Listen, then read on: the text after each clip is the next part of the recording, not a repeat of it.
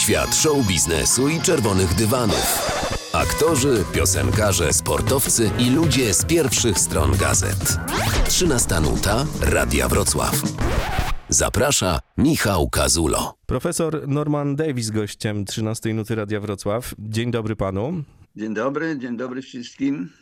Tak, chciałbym tytułem wstępu, bo wiele razy opowiadał pan tę historię, ale ona jest tak barwna, że chciałbym, żeby też usłyszeli ją nasi słuchacze tutaj z Dolnego Śląska. Historię pana pierwszej podróży do Polski, która odbyła się no już 60 lat temu, ile dobrze to wszystko policzyłem. Pojechałem do Polski przypadkiem. Y, Wpisałem się na y, y, wycieczkę do Moskwy z, z grupą studencką z Oxfordu, ale nie dostaliśmy wizy sowieckiej, mając już bilety kolejowe do granicy sowieckiej w Terespolie. I, i patrzyliśmy na mapę w rozpaczy w Londynie. Mieli, już kupiliśmy te bilety dosyć drogie. I gdzie jest Terespol? I oczywiście okazało, że w Polsce. Więc poszliśmy do konsulatu PRL w Londynie z pytaniem, czy możemy pojechać do Polski.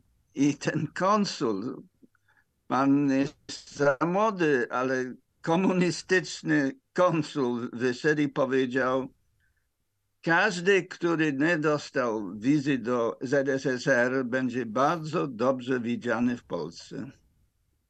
I pojechaliśmy do Polski. I właśnie ten początek, ta niespodzianka była, no, dała nam dobry humor i taka pamiętna wycieczka. A pamięta pan ten pierwszy kontakt z językiem polskim? No to wtedy absolutnie nie, mówi, nie mówiłem ani słowa po polsku. Polski język wyglądał i słyszał dla nas zupełnie niemożliwy, taki nieludzki. I musieliśmy z, z studentami polskimi mówić albo po angielsku, albo francusku po, po niemiecku i tak dalej, ale e, chyba żaden z nas nie, nie znał polskiego. Tutaj przyjechał pan także e, badać i poznawać e, historię. No to był czas komunizmu. Miał pan styczność pewnie z różnymi archiwami. Zastanawiam się, jak pan sobie wtedy radził z taką powszechną przecież cenzurą. Trzeba zrozumieć, że oczywiście cenzura była, w Polsce była dosyć ostra, przede wszystkim w sferze wydania, drukowania, mniej jeśli chodzi o, o mowy. Polacy dosyć swobodnie mówili, tylko że nie mo można było na przykład wydać książki historyczne tak, jakby by chciały i tak dalej. Kiedy ja wydałem pier no, dru pierwszą, drugą książ książki o historii Polski, oni byli zakazani kompletnie w Polsce. Boże Igrzysko nie istniał w języku polskim przez 10 lat. I oczywiście pierwsza książka o Biały Orzeł, Czerwona Gwiazda o wojnie w 20 roku było no, surowo zakazany. I, ale jakoś dałem radę. Pamiętam na przykład, że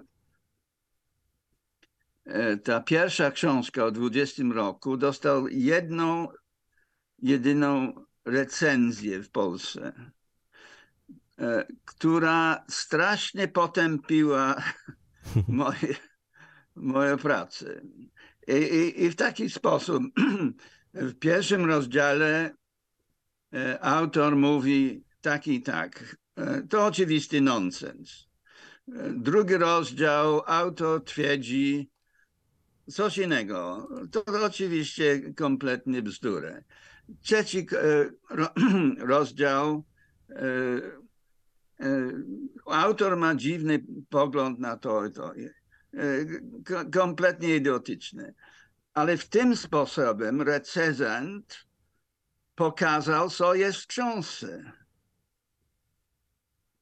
I to był wydrukowany, i, ale to jedyna recenzja możliwa. I, um, oczywiście ja jako obcokrajowiec miałem lepsze szanse niż historycy w Polsce, e, którzy musieli e, e, ryzykować no, no, ka każde swoje, swoje słowa. No, fakty są takie, że na pana książkach wychowuje się już kolejne pokolenie tych, którzy chcą poznać historię. Te książki czyta się mm, bardzo dobrze. Te książki się czyta w taki sposób niepodręcznikowy, tylko właśnie jak taką, to bardzo piękna recenzja, którą tutaj sobie mm, pozwolę przytoczyć, jak piękną powieść o świecie, który cały czas możemy poznawać. I spotykamy się też, żeby porozmawiać o Pana najnowszym e, wydaniu. W tej najnowszej Pana pozycji czytamy między innymi o rusocentryzmie, że mm, jest to bardzo ciekawy mm, wątek, że Rosjanie świetnie propagują swoje mity na świecie i między innymi sporo tam też kłamstw. Każdy naród próbuje propagować e, swoją wersję historii. To nic dziwnego, tylko że Rosjanie to robią e, bardzo długo i bardzo efektownie. E, dzisiaj e, ja piszę list do Financial Times, to główna gazeta. Jest duży artykuł przez głównego korespondenta, korespondenta politycznego Financial Times o wojnie na Ukrainie, gdzie pisze, że w historii Rosja e, walczyła wyłącznie w wojnach defensywnych, obronnych. To jest główny korespondent. Nie słyszał, że Rosja e, kiedykolwiek miała jakieś wojny e, agresywne. I, I to pokazuje, co to znaczy rusocentryzm? Że człowiek, korespondent, który jest bardzo krytyczny polityki rosyjskiej, ale bazuje swoje argumenty na fałszywe informacje e, no, szane przez, przez Rosjan. I ja muszę napisać list, że to fakt, że Hitler napadł na, na, e, na ZSSR w 1941 roku, ale co w 1939 roku. Kto napadł na Polskę? Kto napadł na Finlandię? Kto napadł na e, państwa bałtyckie? Kto napadł na Rumunię? Hitler? To Napoleon, faktycznie, Napoleon napadł na Rosję w 1812 roku. Ale co Suworow robił w, w latach przed tym? Co Suworow zrobił w Szwajcarii, we Włoszech, gdzie on był turystą? Mhm. I tak dalej, i tak dalej. Pierwsza wojna światowa.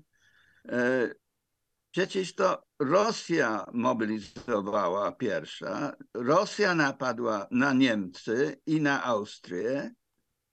E, I potem oczywiście e, e, dostali klęskę i Niemcy, no te mocarstwa centralne miały powodzenie na wschodnim froncie, ale początek to było agresja Rosji. Ale jakoś główny nasz korespondent o tym nie wie. To bardzo dobrze, że pan o tym mówi, bo to pokazuje, jak bardzo niektóre nieprawdziwe fakty są e, zakorzenione gdzieś e, w ludziach e, piszących i... Przez 200 lat, 200 lat taka propaganda idzie i jak historia się zbudowała w XIX wieku, kiedy pierwszy na przykład wydziały uniwersyteckie, państwa polskiego nie było, więc jakby perspektywy tych krajów, na które Rosja na, e, napadła, nie, oni byli, milczeli, nie mieli głosu. I dalej walczymy się właśnie z tym, z tym fałszem. W Pana nowej książce dostajemy także zbiór tekstów, które są odniesieniami do mm, Ukrainy. E, zastanawiam się, czy widzi Pan aluzję na przykład do roku 1920, gdy bolszewicy napadli na Polskę? E, oczywiście e, historia nigdy się nie powtarza się dokładnie, ale to jest inny przykład, jak Rosja, w tym wypadku Rosja sowiecką, Lenina, napadła nie tylko na Polskę. Lenin e, zamierzał atak na Niemcy. On, on, e, Tukaczewski miał rozkazy jechać aż do Berlina. I nawet mówił o, o atak na Paryż. I, I to była e, czysta agresja ideologiczna. E, tylko, że świat o tym mało wie. Mało wie, bo oczywiście ta agresja nie udała się. Bitwa e, pod Warszawą, sud nad Wisłą. I Rosjanie oczywiście o tym nie mówią, nie piszą. Więc cały Zachód karmiony przez propagandę rosyjską nie wie o 20 roku, nawet nie o klęsce. Bo Rosjanie nie piszą o swoich klęskach, piszą wyłącznie o zwycięstwach. Jeśli chodzi o y, wojnę w Ukrainie, y, mówi pan, to oczywiście jest nowy rozdział, nowy etap w historii, ale są w tej nowej sytuacji jakieś dziwne echa dawnej przeszłości. Bardzo dziwaczne jest to, co gada Putin. To pochodzi od ideologii carskiej i od ideologii kościoła prawosławnego. Tak, to jest regresja. E, regresja. E, ideologia sowiecka jest, e, już straciła wartość. Nikt, nikt chyba nie wierzy w tym, więc Putin używa właśnie argumenty, taki ideologię sarską. Przecież ten, ten cały ideologia, że Ukraina nie istnieje, to jest mało Rosja. Oni, Rosjanie wymyśleli nazwę kraju. Mało Rosja.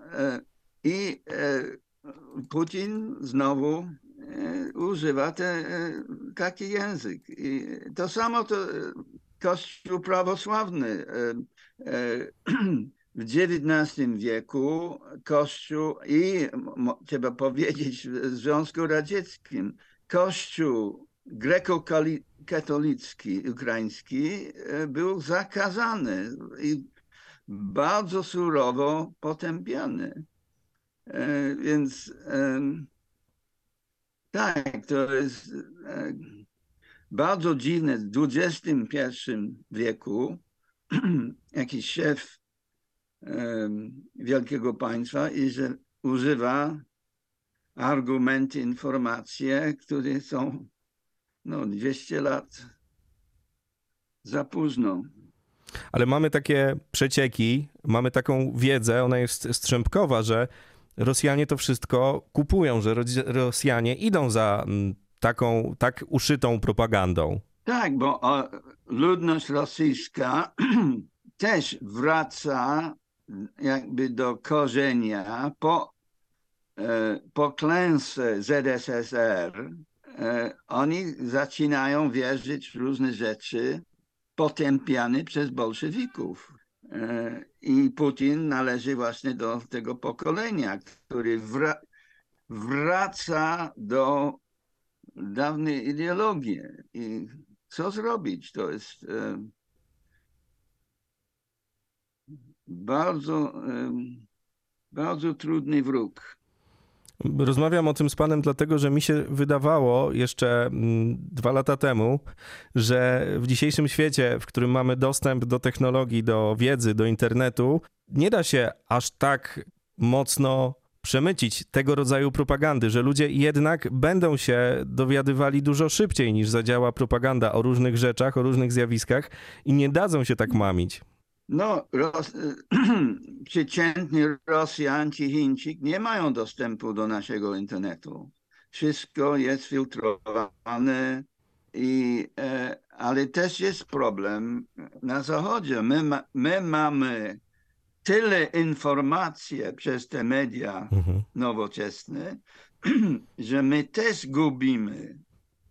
E, co mamy wierzyć? Bo każdy ma inne e, opinie, inne e, interpretacje, więc jest tak trudno znaleźć prawdę dzisiaj, jak 50 lat temu czy 500 lat temu. A pan z pozycji historyka był zdziwiony tymi wydarzeniami, gdy to wszystko się zadziało? No, no tak. Ja, y, no, przez 30 lat jestem przekonany, że Rosja jest słaba. Putin buduje fasady mocarstwa y, i, i, i nie jest taki silny. Oczywiście mają ten arsenał nuklearny, mają e, różne resztki, mają właśnie ten, ten pogląd imperialny dalej, że, że oni mają prawo rządzić poza swoje granice i tak dalej. Ale e, zawsze byłem przekonany, że Ukraina jest za duża za duże, żeby Rosjanie potrafili opanować. I tak się stało. E, e, to jest. E, Rosjanie spotkali wielką klęskę w tym roku. Ten front się ustabilizował, ale bardzo słabo się rozwija z punktu widzenia Moskwy i zdaje mi się, że że szanse e, dla przetrwania Ukrainy są, są dobre. Są dobre. Nawet jeśli Putin e, zdobywa więcej, ma jakiś e, częściowy e, zwycięstwo militarne, on nie jest w stanie opanować ten ogromny kraj. No Dwa razy większy niż Polska. To jest ogromne terytorium i zdaje mi się, że e, Putin e, nie ma szansy na dłuższym mecie. Wielu ekspertów e, podziela pańskie zdanie, jeśli chodzi o to, że Rosja jest słaba, że Putin nie ma takiej siły, żeby coś zdziałać w wojnie w Ukrainie. W takim razie zastanawiam się, no bo oczywiście zostało podjętych wiele działań, mm, które miały Rosję wyizolować na mapie świata, ale dlaczego w takim razie nie zostanie zadana, zadany ten ostateczny cios? Dlaczego nie wykorzysta się tej siły, że mocarstwo e, właściwie nie jest tylko papierowym, jak to ktoś ładnie ujął, mocarstwem? dlaczego Zachód nie używa swojej siły, tak? Tak. oczywiście mhm. jest obawa wojny nuklearnej i, trzeba być ostrożny z tym tygrysem. Tygrys może być słaby, ale jeszcze ma swoje pazury. E, I e, no, wojna z Rosją to nie jest to samo jak wojna z Luksemburgiem. To, to trzeba mieć jakieś proporcje w tym wszystkim. Pan od lat patrzy z przyjaźnią na Polskę i mm, zresztą jest wiele tytułów, które pan już otrzymał za, za tą piękną e, przyjaźń i bardzo ogromny szacunek za to wszystko, co pan robi dla naszego kraju na świecie. Mm, zaciekawiło mnie, bo w wielu wywiadach mówi pan, że los Wielkiej Brytanii jest gorszy mm, niż los Polski, jeśli popatrzeć na to, co się dzisiaj dzieje. Nie bardzo ten kraj jest e, już w fazie cofnięcie się z, z, z różnych pozycji, ale no, owszem, Polska ma swoje problemy polityczne, ale istnienie państwa polskiego nie jest zagrożone. W naszym wypadku istnienie Królestwa Zjednoczone jest zagrożone.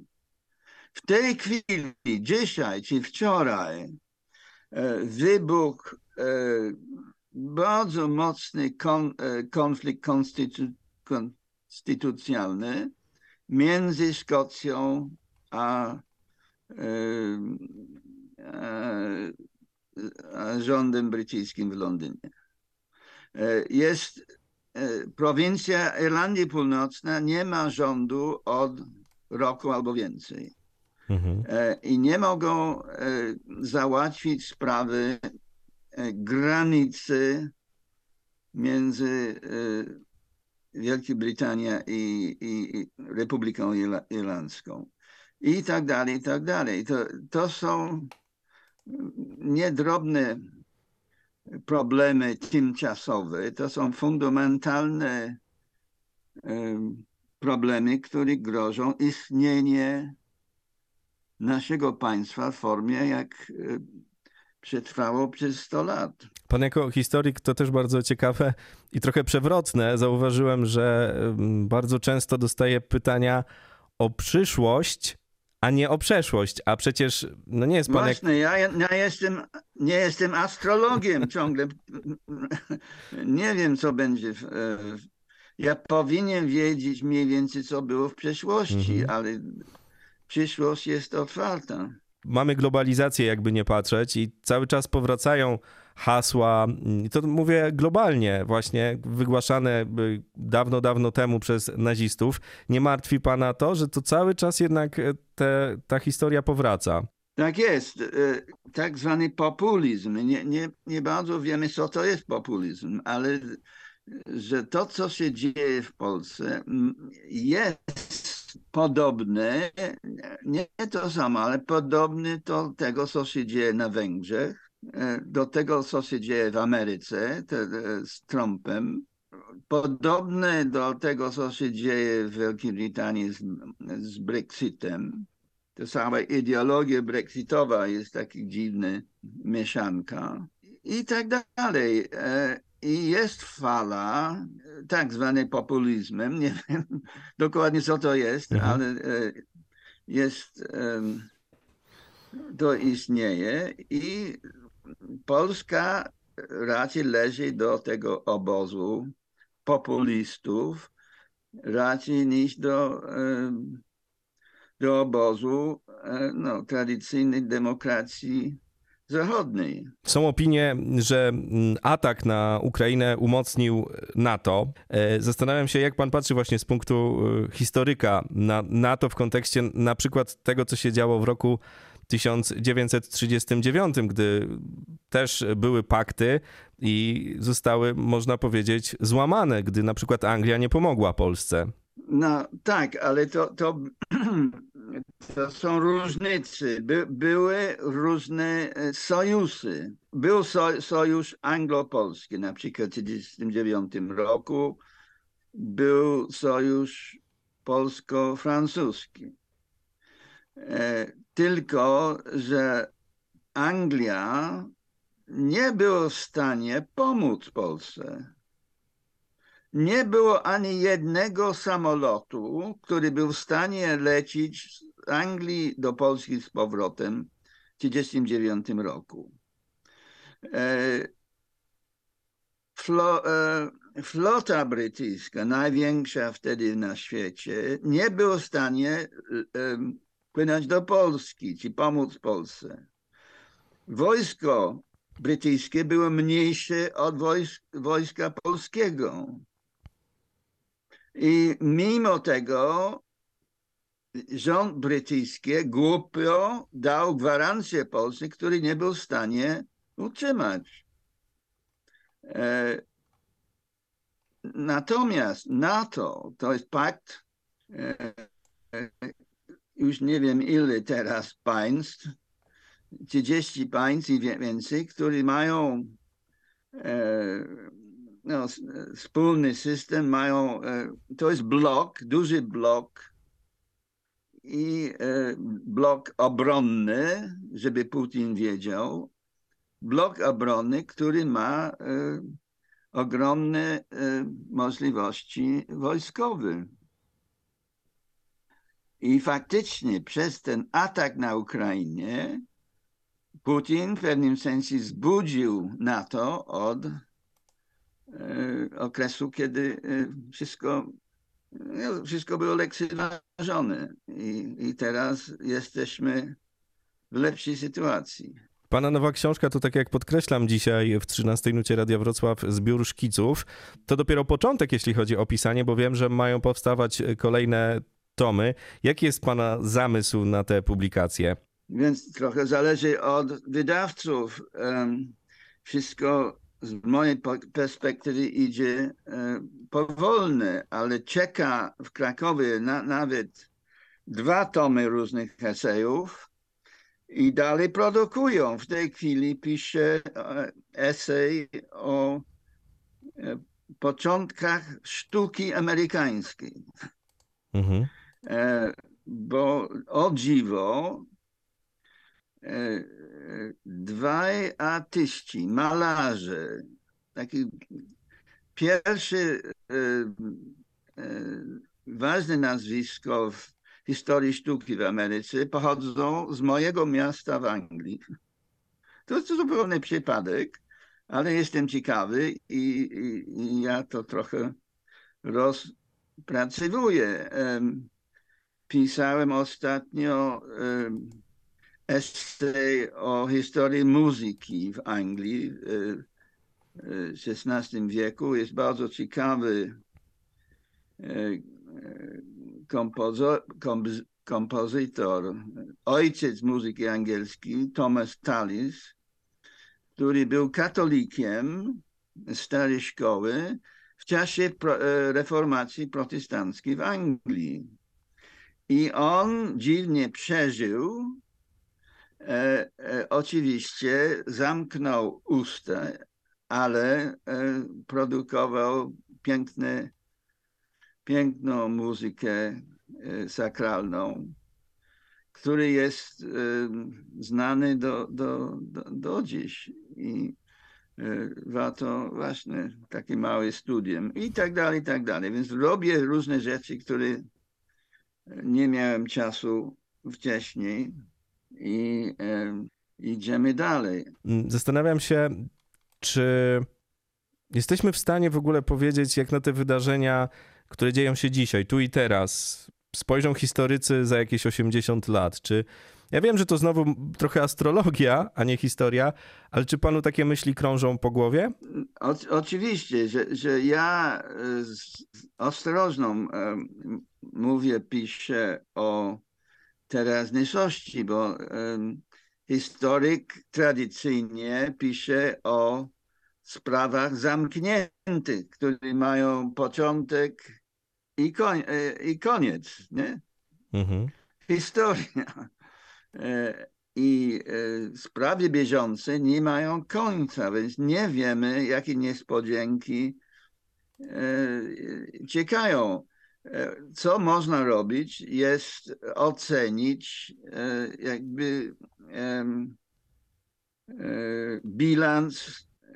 Różne rzeczy są możliwe, różne rzeczy są niemożliwe, różne rzeczy są prawdopodobnie albo mniej prawdopodobne, ale tyle można robić z tym, co się dzieje dzisiaj. No i można oczywiście analizować to, co było i sobie własne myśli na ten e, temat e, wypracowywać. Profesor Norman Davis e, był gościem 13 Nuty Radia Wrocław. Polecamy nową pozycję. Panie profesorze, bardzo dziękujemy, że znalazł pan dla nas tak dużo czasu. No, moja przyjemność. Wszystkiego dobrego życzę. Do widzenia, do widzenia. Więcej wywiadów z gwiazdami na Spotify. Kazul z gwiazdami. Subskrybuj kanał i słuchaj gdzie chcesz i kiedy chcesz.